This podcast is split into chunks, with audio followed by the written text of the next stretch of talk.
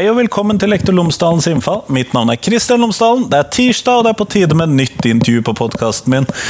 Denne uken så snakker jeg med Astrid Lenvik, som er stipendiat ved Universitetet i Bergen. Hun er eh, med i forskergruppen for spesialpedagogikk. Hun ser særlig på de barna med såkalt ekstraordinært læringspotensial. Og dette skal vi lære, lære mer om. Vi har jo tidligere hatt en episode om uh, de evnerike barna, som var begrepet som ble brukt i den samtalen. Denne gangen så snakker vi særlig om barn med stort og ekstraordinært stort læringspotensial. Og så ser vi litt på hvem disse barna er, hva som om det er noe vi kan se noen likhetstrekk innad i gruppene, og vi skal også se på hvordan vi kan tilpasse opplæringen for særlig denne gruppen. Så det blir spennende. Her får du intervjuet, vær så god.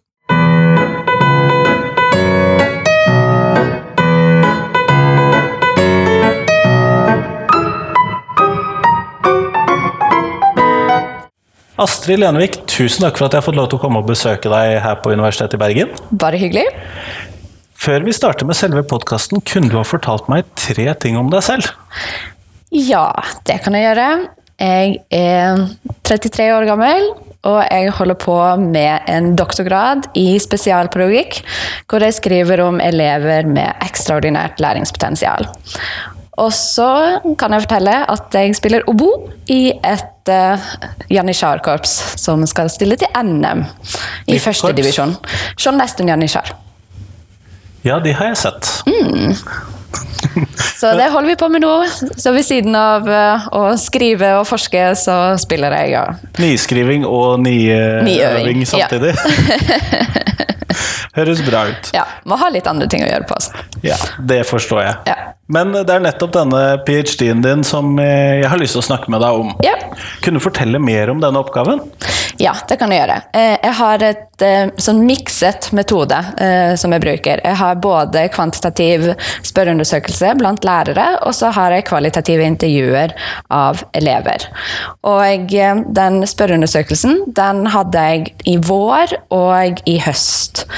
Og den har jeg fått 339 lærere og noen rektorer og administrasjonsfolk til å svare på. Så det er en relativt god andel. Ja. Det, jeg måtte jobbe ganske hardt for å få den andelen, så jeg er stolt over uh, at jeg har fått det til. Uh, men det er veldig bra. Uh, og det er veldig kjekt at det er så mange som har tatt seg tid til å svare på mine spørsmål og bidra i min forskning. Det er jeg veldig takknemlig for. Blir relativt godt fundert da, til skoleforskning å være sånn? Ja, det vil jeg tro. Men så er det jo alltid det spørsmålet Men det kunne jo alltid vært bedre. Men sånn er det nå. Det, man skal man skal være veldig fornøyd med det man får, tenker jeg. Og jeg har fått inn veldig mange gode svar. Det er veldig spennende. Jeg sitter og jobber med det nå, med å analysere de dataene, og det er veldig mye spennende som kommer fram. Jeg har jo da både sånn typiske kvantitative spørsmål hvor du har en sånn likert-skala, og du skal si deg helt enig eller helt uenig med påstander og sånne ting. Ja, og sånn på en skala fra litt uenig og delvis ja, enig. Ja, ja. ja. Og så har jeg sånne helt åpne tekstspørsmål da, hvor jeg bl.a. spør eh, hvordan lærerne sjøl vil definere elever med ekstraordinært læringspotensial. Hva er det de legger i begrepet, og hvilke elever er det de ser. Og det, det holder jeg på med nå, å analysere og kategorisere de temaene som kommer opp. Da. Det er veldig spennende. Mm. Det er veldig mye forskjellig som blir tatt opp. Det, det, det, er ganske vanskelig å kategorisere det, fordi lærerne legger, ser helt ulike elever og legger vekt på forskjellige ting. Det er veldig morsomt eh, å se. Så det er mye å lese og mye å sette seg inn i, med andre ord. Ja, det er jo det. Eh, men det sier jo også litt om hvor bredt dette her egentlig er. Eh, at disse elevene med ekstraordinært potensial, det er ikke én bestemt type elev. Du kan finne de på, i alle klasser og på alle skoler, men de kan vise seg på helt forskjellige måter. Mm. Har vi noen definisjon på dette? Veldig mange definisjoner har vi. som også gjør det litt vanskelig. Eh, den definisjonen som jeg brukte i eh, spørreundersøkelsen, det var Ella Idsø sin definisjon. Eh, hvor hun sier at dette her er elever som har et potensial innenfor akademiske fag som lesing og skriving og språk, eller matematikk og naturfag, kunst og håndverk og lignende, og som kan utvikle dette potensialet hvis de får hjelp til det. Men det betyr ikke nødvendigvis at de er flinke til Nei. alt med en gang. Nei, det gjør ikke det. For det er jo en eh, stereotyp eller bilde Ja. man ofte har. Ja da, eh, og det har jeg jo også sett blant eh, de svarene som har kommet inn, at det er en del som tenker at dette her er disse elevene som, som rekker opp hånda hele tida, og som er superaktive og supermotiverte og kan alt og vet alt allerede. Men det er jo ikke nødvendigvis det. Eh, Og i hvert fall når man kommer litt lenger opp i eh, skoletrinnene, så kan de veldig fort bli det man kaller for underytere. At de ikke viser potensialet, og at de ikke yter opp mot det de egentlig klarer. Da. Mm. Sånn at det er en relativt blandet gruppe elever det er snakk om. da. Veldig. Den er veldig lite homogen. Eh, men du, hvor mange elever har du pratet med? Ingen foreløpig. For, Nettopp, så det er en del av det arbeidet som skal Ja, gjøres. ja. Eh, så jeg skal gå i gang med intervjuet nå i løpet av eh, om, noen, om tre ukers tid, faktisk. Mm. Så jeg sitter og planlegger det nå. Det blir veldig, veldig kjekt. Så jeg gleder meg veldig til å høre hva elevene sjøl Hvordan de opplever å være på skolen, og eh, hvordan, hvilke tanker de har om det at de er innenfor denne gruppen, og hvilken tilrettelegging de har fått, da, eller ikke fått. Så det er jo det som blir veldig spennende å høre. Men sånn eh, ut ifra det vi har uh, av kunnskap om denne gruppen før, hvordan, hvordan er elevene i denne gruppen? Sånn eh, i utgangspunktet, for jeg regner med at du må finne elever innenfor en eller annen gruppe. Hva vet vi om denne gruppen med elever sånn totalt sett? Eh, Det kommer jo helt an på, men det vi vet f.eks. gjennom en, to teoretikere som heter Betz og Neyhart, er at de har utviklet eh, seks ulike typer profiler som man gjerne finner i skolen. Eh, hvor du har eh, den første profilen, som de kaller for den suksessfulle eleven. Som er en type elev som gjør det bra, og som vet hva slags atferd som forventes. Litt sånn som den eleven du nettopp snakket om. som- Ja, ja. Rekker opp hånda og svarer og kan alt. Og, men problemet med den eleven er at eh, den får ikke løst problemer som er utfordrende nok. Den bare flyter av gårde på de evnene som den har, og når den da kommer på høyere nivå, som f.eks. videregående eller universitetet, og møter, plutselig møter oppgaver som faktisk er utfordrende, så har den ikke lært seg strategier for hvordan den skal løse disse oppgavene. Eh, Og da kan den veldig lett møte veggen og bli underytere seinere. Mm. Ja, nettopp sånn at den veggen kommer på et eller annet tidspunkt. Ja. Du sa det var seks grupper? Ja, det var den første. Eh, Og den andre, det er den som I den første utgangen så kalte de den for den utfordrende. eh, Og i den neste som kom i 2010, så kalte de den for den kreative. Eh, Så du kan jo høre litt hva slags type elev det her er, men det er en elev som stiller veldig store spørsmål til den undervisningen den møter. Så ofte opponerer litt. Da. Veldig, kan være veldig opponerende. eh, Og eh, blir ofte ikke oppdaget for det potensialet som den har, men blir sett på som en mer problemelev. Eh, Kan være veldig utfordrende, være veldig urolig og den type. Og, ja, gjerne kritisk og kverulerende. og i det hele tatt. Eh, Og det er jo da en elev som møter problemer helt fra starten av pga. den måten den møter skolen på. Mm. Eh, Og så har du den skjulte eleven, eh, og det er som regel jenter, faktisk, som skjuler potensialet sitt fordi at de heller ønsker å passe inn med de andre jentene. Det er liksom ikke kult nok å være flink. Eller være så flink. Du kan være flink, men ikke liksom helt Ikke der. Nei, ikke helt der. Eh, Så de dabber ned sitt eget potensial for å passe inn i det sosiale og legger mye større vekt på det sosiale. da. Og det, de kommer gjerne inn i den gruppen mer på slutten av barneskolen og over i ungdomsskolen, når du ser liksom at vennene får, får veldig mye større plass i livet. De blir veldig mye viktigere. Og det som er det største problemet med den gruppen, er at du kan liksom ikke bare pushe de inn i de akademiske interessene heller, fordi da vil de heller bare støtte seg enda lenger ifra. Både Fordi at det passer familier- ikke inn i bildet de vil Nei, ha. Nei. De har gjerne en sånn maske sant, på den personen som de ønsker å være. Som de tar på seg. Eh, og så trenger de da å få eh, å bli anerkjent både for den personen som de faktisk er, men også for den personen, den masken som de ønsker å ha på seg. Så det er en veldig sånn knivsegg som man må balansere på da, for å klare å manøvrere seg inn til de og få de til å faktisk yte det potensialet som de har. Det hørtes ut som en utfordring for oss lærere. Ja, det vil jeg tro. Eh, og jeg vil tro denne gruppen generelt er en utfordring for lærere. Både fordi det er vanskelig, altså hele gruppen, fordi det er vanskelig å finne, finne de. Det er ikke alltid de man tror de er, og eh, fordi det kan være veldig vanskelig å tilrettelegge innenfor det ordinære. Mm, og det har jo du skrevet om, for det tror jeg var første gangen jeg så navnet ditt. Ja. Det var i forbindelse med en tekst du skrev om eh, tilrettelagt undervisning. Ja, i den i kronikken i Dagbladet? Ja. ja. mhm. Eh, hvor dette fremsto som noe vi i skolen ikke kanskje var så flinke på i dag. Ja, det var jo først og fremst en kritikk til den NOU-en som kom i 2016, eh, hvor de da skrev om elever med stort og ekstraordinært læringspotensial.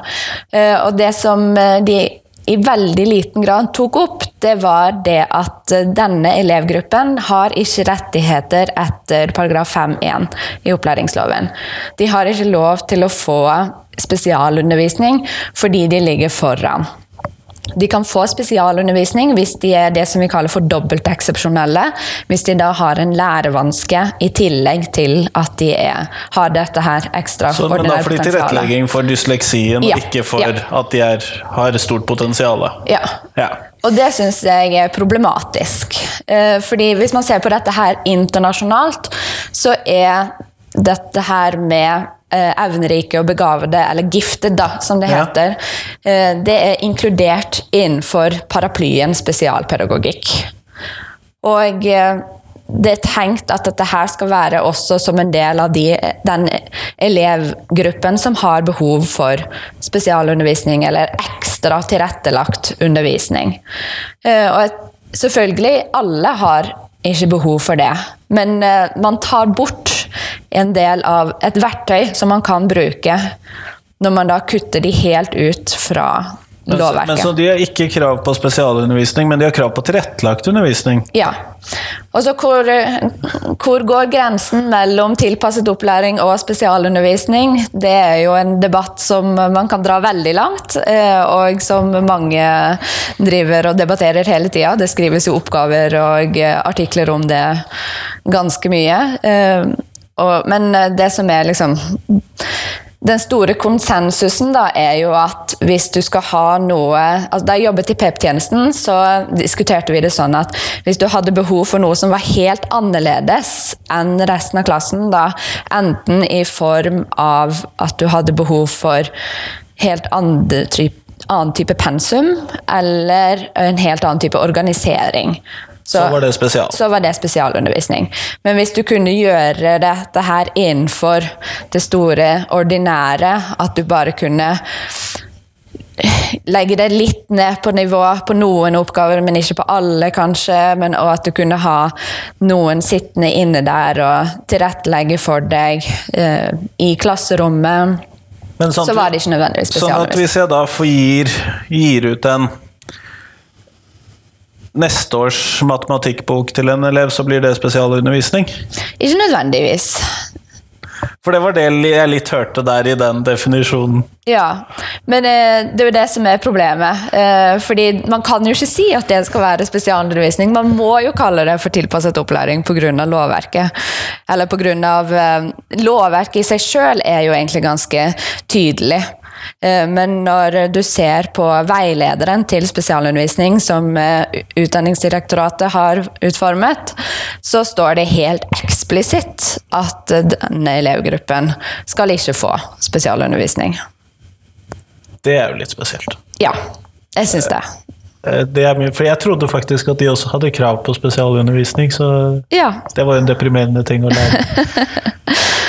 ja beklager, men uh, sånn er dessverre virkeligheten. Ja. Uh, Nettopp. Sånn, det, det skaper jo en viss utfordring i forhold til å gi disse riktig, eh, riktig opplæring, da, i forhold Ja. til deres nivå. For hvor langt kan man strekke seg og likevel kalle det for ordinær undervisning, bare tilpassa. Mm. Jeg ser den. Mm. Men du brukte i stad, når du snakket om NOU-en, så brukte du to begreper. Du brukte elever med stort læringspotensial og elever med ekstraordinært læringspotensial. Ja. Var det bevisst? ja, det var bevisst. Hva er forskjellen? Eh, hvis man skal se helt sånn eksplisitt på det, så kaller man gjerne de med ekstraordinært læringspotensial for de elever som ligger to standardavvik over gjennomsnittet i kognitiv kapasitet. Eh, og når man da snakker i IQ-poeng, som jeg egentlig ikke liker å gjøre, eh, men som jeg kan gjøre akkurat nå, så vil det si ca. 130 og oppover. Det er de ekstraordinære. Mens de med stort læringspotensial, det er de som ligger over gjennomsnittet. Ett til to av Så Så det vil si 115 til, Ja. til 129, da. Ja. Mm. Nettopp. Sånn at det er snakk om to grupper med passelig like utfordringer, eller er det stor forskjell på Det kan være veldig stor forskjell på de. Eh, For de med stort læringspotensial, de, har, de klarer seg som oftest ganske greit eh, innenfor det ordinære. Eh, De har ikke behov for de ekstraordinære tiltakene som den andre gruppen gjerne har. Hvor de da må De ligger flere hestehoder foran. Så- Så de kjeder seg ikke like mye? basically? Nei, ikke nødvendigvis. Alt kommer jo selvfølgelig an på, og man må jo hele tiden tilpasse undervisningen til den gruppen man har. Eh, Men eh, i utgangspunktet, eh, sånn helt statistisk sett, så ser vi at den gruppen med stort læringspotensial, de klarer seg mye bedre. Så de er lettere å inkludere inn i, de, Ja. inn i tilpasset opplæring, da, uten Ja. spesial? Ja, fordi det er ikke like stor forskjell på de som på normalområdet som sådan. nettopp, nettopp. Mm. Det var jo ganske klart. Men i din eh, oppgave som du holder på å skrive, så er det da de med ekstraordinært læringspotensial du ser på? Ja, men eh, det der med det cutoff-pointet på to standardavvik, det syns jeg er litt problematisk. Fordi at det kan bli veldig snevert igjen, og eh, altså når man ser på evnetester, så kan De har jo litt slingringsmonn, de også. Det er jo ikke sånn at eh, den gir et eksakt bilde på hvordan du er, og at den er statisk. At en evnetest som man har tatt når man er seks år, varer til man er 60. Sånn er det ikke. Eh, Vi, har, vi utvikler oss jo hele tida. eh, Og selv om man ikke nødvendigvis hopper eh, 10-15 poeng i IQ så kan det likevel skje forandringer ut ifra hva slags eh, Altså den omgivelsene rundt og eh, hvilken støtte man har fått, da. For det man mener er jo at dette her med intelligens det skal være upåvirkelig av undervisning som sådan, eh, og at det er noe som er ganske medfødt. Men vi ser likevel at eh, det kan påvirkes, spesielt i negativ retning. Ja, nettopp. Mm. Men uh, hvordan har du da gjort utvalget av de du skal prate med på, i oppgaven din? Ja, Det jeg er, har Det synes jeg jo er litt interessant, da. Ja, det er jo det. Nei, jeg har uh, vært veldig uh, sånn åpen og spurt om elever Jeg har sendt ut forespørsel til Lykkelig barn, som er et sånt foreldrenettverk for eh, foreldre med eh, barn og elever med ekstraordinært potensial. Og så har jeg vært i kontakt med Vil Vite, som har et sånt talentsenter for elever eh, som har et spesielt talent i matematikk og naturfag. Og så har jeg eh, satt litt sånn generell kontakt på Facebook og sosiale medier. Og jeg eh, har spurt alle eh, ungdomsskolene i eh, bergensregionen. Ja, nettopp. Så du har gått ganske bredt ut Ja. for å få tak i nok, nok til å prate med, da. Ja, rett og slett. Eh, og så har jeg ikke sagt konkret at dette her Du må ha 130 IQ for å kunne snakke med meg. Eh, det ville nok gått litt mot sin hensikt, kan jeg tenke meg. Eh, så det jeg kommer til å gjøre En del av disse elevene har jo allerede vært igjennom en sånn type test. Men de som ikke har det, de kommer jeg til å gjennomføre en sånn test på. Men jeg kommer heller til å legge meg på en definisjon hvor jeg ser på et sånn samspill av ulike egenskaper. Eh, at det ikke må være akkurat på to standarder vik, men at du har høy kognitiv kapasitet. Eh, og det i kombinasjon med kreativitet og motivasjon og interesse og alt dette her samspillet, det skaper et sånt ekstraordinært potensial. Så en litt mer sånn funksjonibel operasjonalisering, da? Ja. ja hørtes det ut som. Men når vi skal ta oss og tilpasse for denne gruppen, ja. og det er jo noe av eh, det du antagelig vil gi enda bedre svar på om to år, men jeg skal driste meg ja. til å spørre nå allerede. Hvordan kan vi tilpasse til denne gruppen? Fordi at de, de høres jo så ulike ut. Ja, eh, og det er jo det som er så vanskelig, fordi det fins jo ikke en sånn type Altså, eh, et standardsvar? Nei, det går ikke. Det, det finnes ingen oppskrift på hvordan du skal tilpasse. Men uh, det man kan gjøre, uh, og som er veldig motiverende for veldig mange av disse elevene, er jo de mer type sånn filosofiske grubleoppgaver, sånne problemløsende oppgaver, og gjerne sånne store prosjektoppgaver, hvor de da får dykke veldig dypt inn i temaer som de er interessert i. Ehm, jeg har jo hatt en forelesning om denne tematikken eh, mens jeg har vært ute på skoler og fått de til å svare på undersøkelsen min. Eh, og da, Så du har fått noe tilbake, da? Ja. ja. Jeg syns det er greit å gi litt tilbake, i hvert fall. Siden jeg får så veldig mye. Eh, men da har jeg også snakket om eh, det med å ha prosjektoppgaver.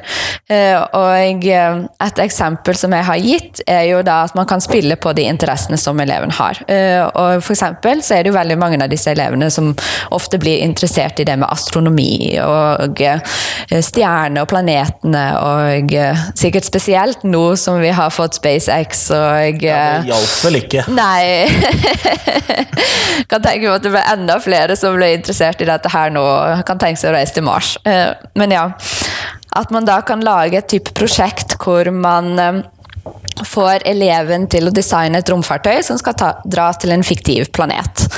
Eh, og da må liksom eleven først og fremst designe romfartøyet. Hvordan skal det se ut? Og hva vil f.eks.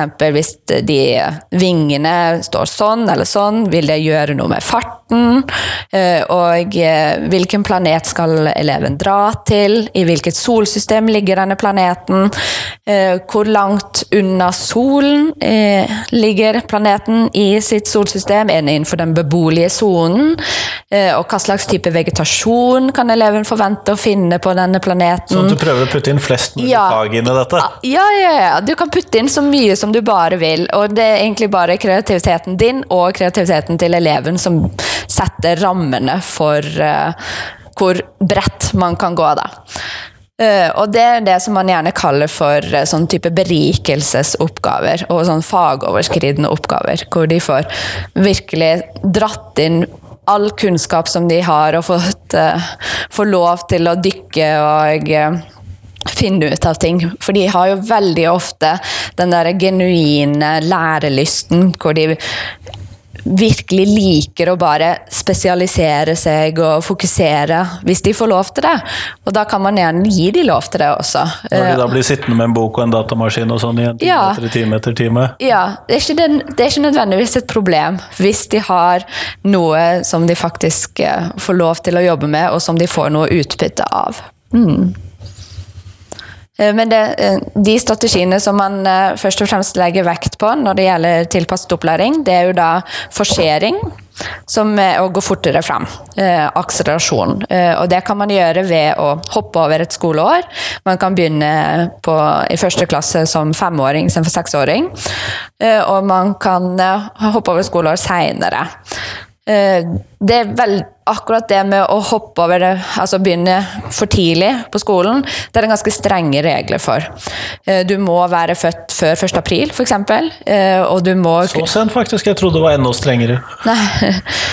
Men, og du må ha IQ to standarder vik, og du må være tilpasset nok sosialt. Og, ja.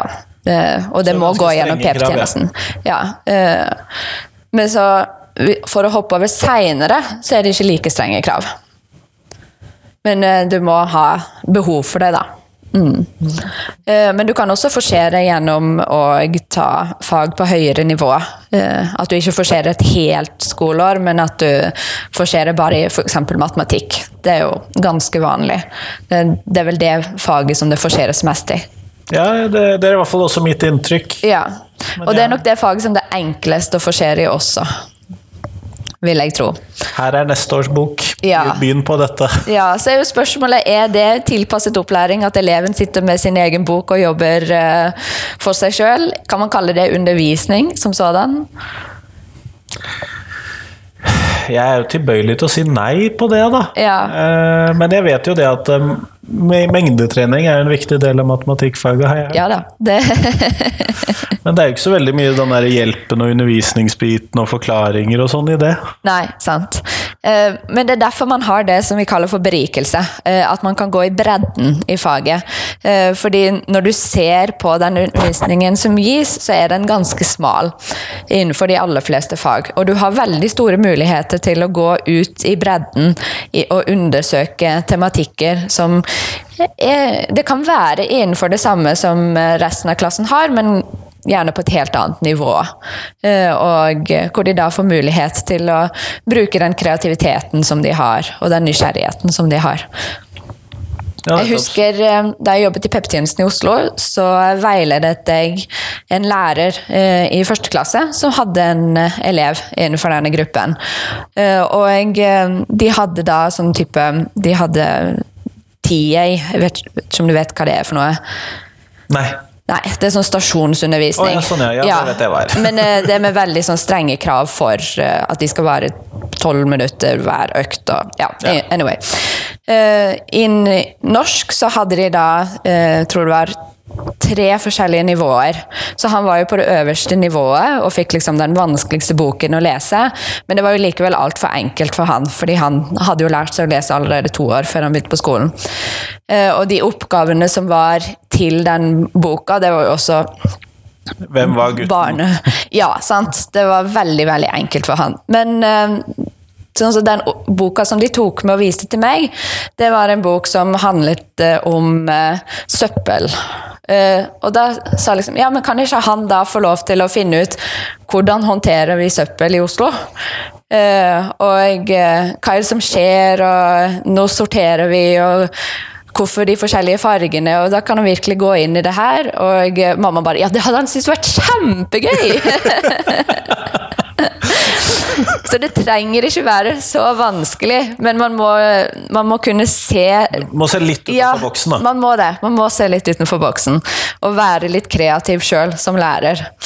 Eh, og jeg var på en samling med en konferanse i regi av Lykkelige barn i 2016. Og eh, da var det en lærer som eh, hun er vel i Stavanger-området, eh, som kaller seg sjøl jeg talentutvikler eller noe sånt. Eh, og eh, hun snakket om at det hun hadde Hun hadde en sånn grubleboks på, i klasserommet sitt. Så når elevene da var ferdige med de oppgavene som de skulle gjøre, så kunne de gå bak der, og der kunne de finne frem oppgaver sjøl som de ville jobbe videre med. Hvor det var veldig masse forskjellige typer oppgaver. Ja, nettopp. Mm. Og hvis du da trekker da om søppel, så Ja, kan du skrive noe passelig enkelt, eller du kan skrive noe ja, stort. ja sant. Eh, Da kan du gjøre litt det du sjøl makter. Nettopp. Så det er jo ganske god strategi, i hvert fall på de lavere trinnene, da, til å så få, Ja. noe, eh, få gitt noen ekstra oppgaver. Mm. Eh, Men sånn som opp på videregående nivå, det, mye av dette har jo vært på lavere nivå. Ja. Hvordan kan jeg som videregående lærer tilpasse dette? Går det mye på det samme, eller Ja, eh, tenker du der? Ja, det går veldig mye på det samme, egentlig. Eh, altså, du må være kreativ, du også. jeg vet jeg stiller, ja, jeg stiller litt høye krav til deg, men eh, det syns jeg at vi skal gjøre. Eh, for vi stiller høye krav til elevene våre, og da må vi stille høye krav til oss sjøl som lærere og pedagoger også. Eh, at vi faktisk klarer å åpne opp for de mulighetene som ligger. Eh, fordi man har en del muligheter innenfor et fag. Man er ikke nødvendigvis nødvendigvis så Rammeplanen er ikke så streng som man eh, tenker at den er, nødvendigvis. Er den ikke låst til bare det som gjelder på eksamen? ikke bare. Ja. Kan være lurt å gå igjennom det, men uh, trenger ikke bare forholde seg til det. Nei. Nettopp. ja. Og disse her elevene klarer som regel greit det som uh, skal gå gjennom stille eksamen uh, etter én til to økter, og så kan de bruke veldig mye tid på andre spennende ting. Nettopp, nettopp, nettopp. Mm. Men det, sånn som det jeg forstår dette, så er det ofte i realfag dette da utmerker seg, i hvert fall. Eller ser du det i alle fag? Du kan se det i alle fag. Det kan du helt klart. Eh, men ja, det er litt sånn i, Når man tenker på det med intelligensbegrepet som sådan, så er jo det den logiske og resonnerende intelligensen man først og fremst uh, tenker på som IQ. Uh, og det viser seg jo veldig ofte i matematikk. Uh, at man er god til å uh, analysere og forstå de tallene og ser den logiske sammenhengen her. Men det kan også vise seg innenfor språkfag. Uh, veldig god til å resonnere, til å bruke retorikken og til å skrive. De lærer jo ofte å lese veldig fort og skrive. Eh, det kan eh, være litt eh, vanskelig, faktisk, akkurat det med skriving i begynnelsen. Fordi at de gjerne ikke har i hvert fall hvis de lærer seg å lese når de er sånn fire-fem år. Mangler motorikken? Ja, de mangler finmotorikken til å klare å skrive sjøl. For den, den, kommer når den kommer. Så det kan være veldig lurt, og ikke nødvendigvis på en måte presse de til å skulle skrive, for da kan de bli veldig frustrert, men at de heller får lov til å bruke PC, f.eks. At de da får ja, utvikling Ja, for da kan de se bokstavene, ja. Ja, du trenger ikke forme de uh, med å holde blyanten akkurat sånn som den skal holdes. Så, ja, i det hele tatt. Og for de som lurte, så gjorde Astrid veldig sånn overdrevne skrivebevegelser med armene her nå for å illustrere småbarn med blyant? Ja, ja. Jeg liker å gestikulere, så det skulle vel heller vært video enn bare podkast. Men Jeg òg, men de gangene jeg har tatt opp videoer, så har armene mine blitt så altfor mye. Ja, satt. Det er en sånn fin linje der det, før det blir for mye igjen. Ja. Mm. Men sånn at det, dette går også på andre fag, rett og slett, ja. selv om bildet vi ofte har av dette, er på realfag? Ja, ja helt klart. Eh, og eh, veldig ofte så tenker man jo at de elevene som har eh, et ekstraordinært potensial innenfor musikk eller innenfor idrett og den type, de kaller man gjerne mer talent. Ja. ja. Men det er egentlig elever som går inn i denne gruppen, det også. Ja, nettopp sånn, men det, det handler rett og slett bare om fokuset vårt, da? Ja, ja. Men de har jo ofte andre muligheter til å utvikle da, talentet sitt eller potensialet sitt. Uh, at det må ikke skje på skolen. Uh, I hvert fall siden både musikk og kunst- og håndverkfag og gym og den typen får veldig lite fokus i skolen, så er det ikke så veldig mye mulighet til å utvikle det heller der. Men, Men desto større muligheter til å gjøre det på fritiden, da. Ja, sant.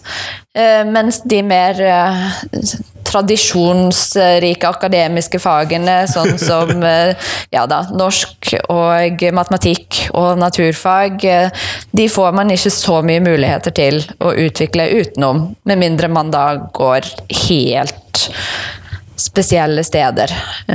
Så sånn at selv om begrepet ekstraordinært potensial egentlig dekker da disse talentene, ja. så bruker vi begrepet ganske teoretisk og akademisk? Ja, først og fremst. Eh, igjen så kommer det jo litt an på hvilken teoretiker man legger til grunn. Eh, men uh, For du har jo f.eks. de mange intelligensene til Gardner, hvor han da har åtte ulike typer intelligenser, og han mener jo da at man kan ha dette her ekstraordinære potensialet innenfor alle de ulike typer intelligensene. Uh, enten bare én av de, eller alle. Selv om det heller er nok ganske sjeldent. Multitalenter osv.? Ja, sant. Uh, men uh, det vanligste sånn skolemessig er jo at man ser på det på de mest tradisjonsrike akademiske fagene. Men jeg ser jo at norsk blir liksom ikke tatt opp så veldig ofte som et sånn type fag som ja, det har jeg hørt at du har dratt frem her nå flere ganger. Ja, ja fordi det er helt klart uh, elever her også som uh, kunne fått mulighet til å strekke seg enda lenger. Uh, og ja, man har jo fristilene og kan liksom skrive det man vil der, og vise sitt potensial der, men det er også man bør også gi dem mulighet til å lese litt mer enn bare det som står på pensum, f.eks. Til å utvide horisonten sin. Hmm. Kjempeflott. Nå går vi mot slutten av podkasten, og da har jeg jo det spørsmålet jeg pleier å stille til alle på podkasten min, og det er hva ville du gjort som norsk skolediktator, altså hvis du fikk fritt mandat og fritt budsjett, og forandre noe på norsk skole i morgen? Så hvor ville du startet, Astrid? Ja, det er jo litt sånn det spørsmålet er jo litt vanskelig, både fordi at vi, lever jo ikke i en sånn verden. Vi må jo forholde oss til den virkelige verden og de budsjettene og de rammene som foreligger. Eh, og også fordi at det er så mye man kan, faktisk kan gjøre innenfor de rammene og, som foreligger, at man trenger ikke nødvendigvis å bli diktator. Eh, men det jeg savner i norsk skole, det er andre yrkesgrupper. Det syns jeg vi burde fått inn mer av. Jeg syns vi burde fått inn eh, både vernepleiere og ikke minst enda flere spesialpedagoger. Eh, hvis man da faktisk skal jobbe med tilpasset og tidlig tilrettelagt eh, undervisning, så må man få inn mer spesialpedagogikk i skolen. Og ikke bare hos de elevene som skal tas ut, men at man ser på det at dette her skal gå inn som en inkludert del av den ordinære undervisningen for å komme i gang med tidlig innsats. Eh, men ja, og eh, psykologer og vernepleiere og andre typer eh, fagmennesker tror jeg hadde passet veldig godt inn i skolen. Men akkurat sånn som det er nå, så er det først og fremst lærere og administrasjon og den lille 10-15% helsesøsterstillingen som eh, er på hver skole. Det er jo flere og flere som satser mer på det, da, heldigvis, eh, og får en eh, helsesøster i mer. Du vil ha flere helsesøstre, og du vil definitivt ha flere andre yrkesgrupper ja, da, ja. i skolen? Ja. ja, også for å avlaste lærerne, sånn at lærerne kan gjøre det som de virkelig er gode på, nemlig undervise, og så kan de andre yrkesgruppene ta andre områder som lærerne ikke er så gode på. Ja. Det tror jeg hadde vært veldig nødvendig. Og så, ja, selvfølgelig bedre lønn. Det må man jo alltid trekke fram. Eh, det tror jeg nok veldig mange hadde blitt fornøyd med. Det jeg skal ikke for det. Jeg, skal ikke det. Eh, jeg tror jeg kunne stoppet ved de andre yrkesgruppene hvis jeg hadde fått mange inn av det inn i skolen. Jeg kunne holdt meg til det og blitt glad for det. Ja. Men mer lønn nekter jeg jo ikke på. Nei, nei, nei. Og så ser du jo også at det med byråkratiseringen i skolen har kanskje gått litt vel langt. Det blir litt mye eh, krav til dokumentasjon og eh, litt for lite undervisning og planlegging av undervisningen som sådan. Eh, at man har tippet litt over der. Mm. Det men Kjempeflott. Tusen takk for at jeg fikk prate med deg i dag. Jo, bare hyggelig.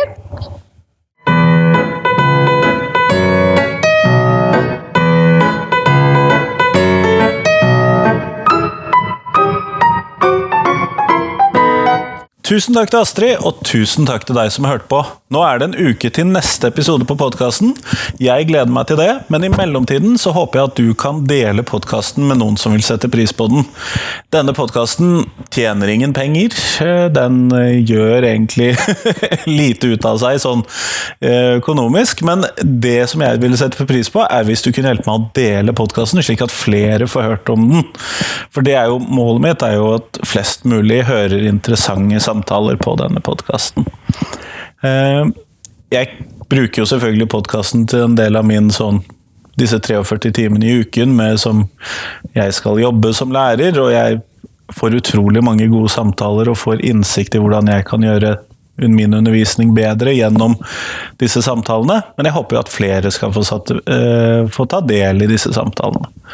Men i hvert fall, uh, da er det en uke til neste gang. Hei, hei!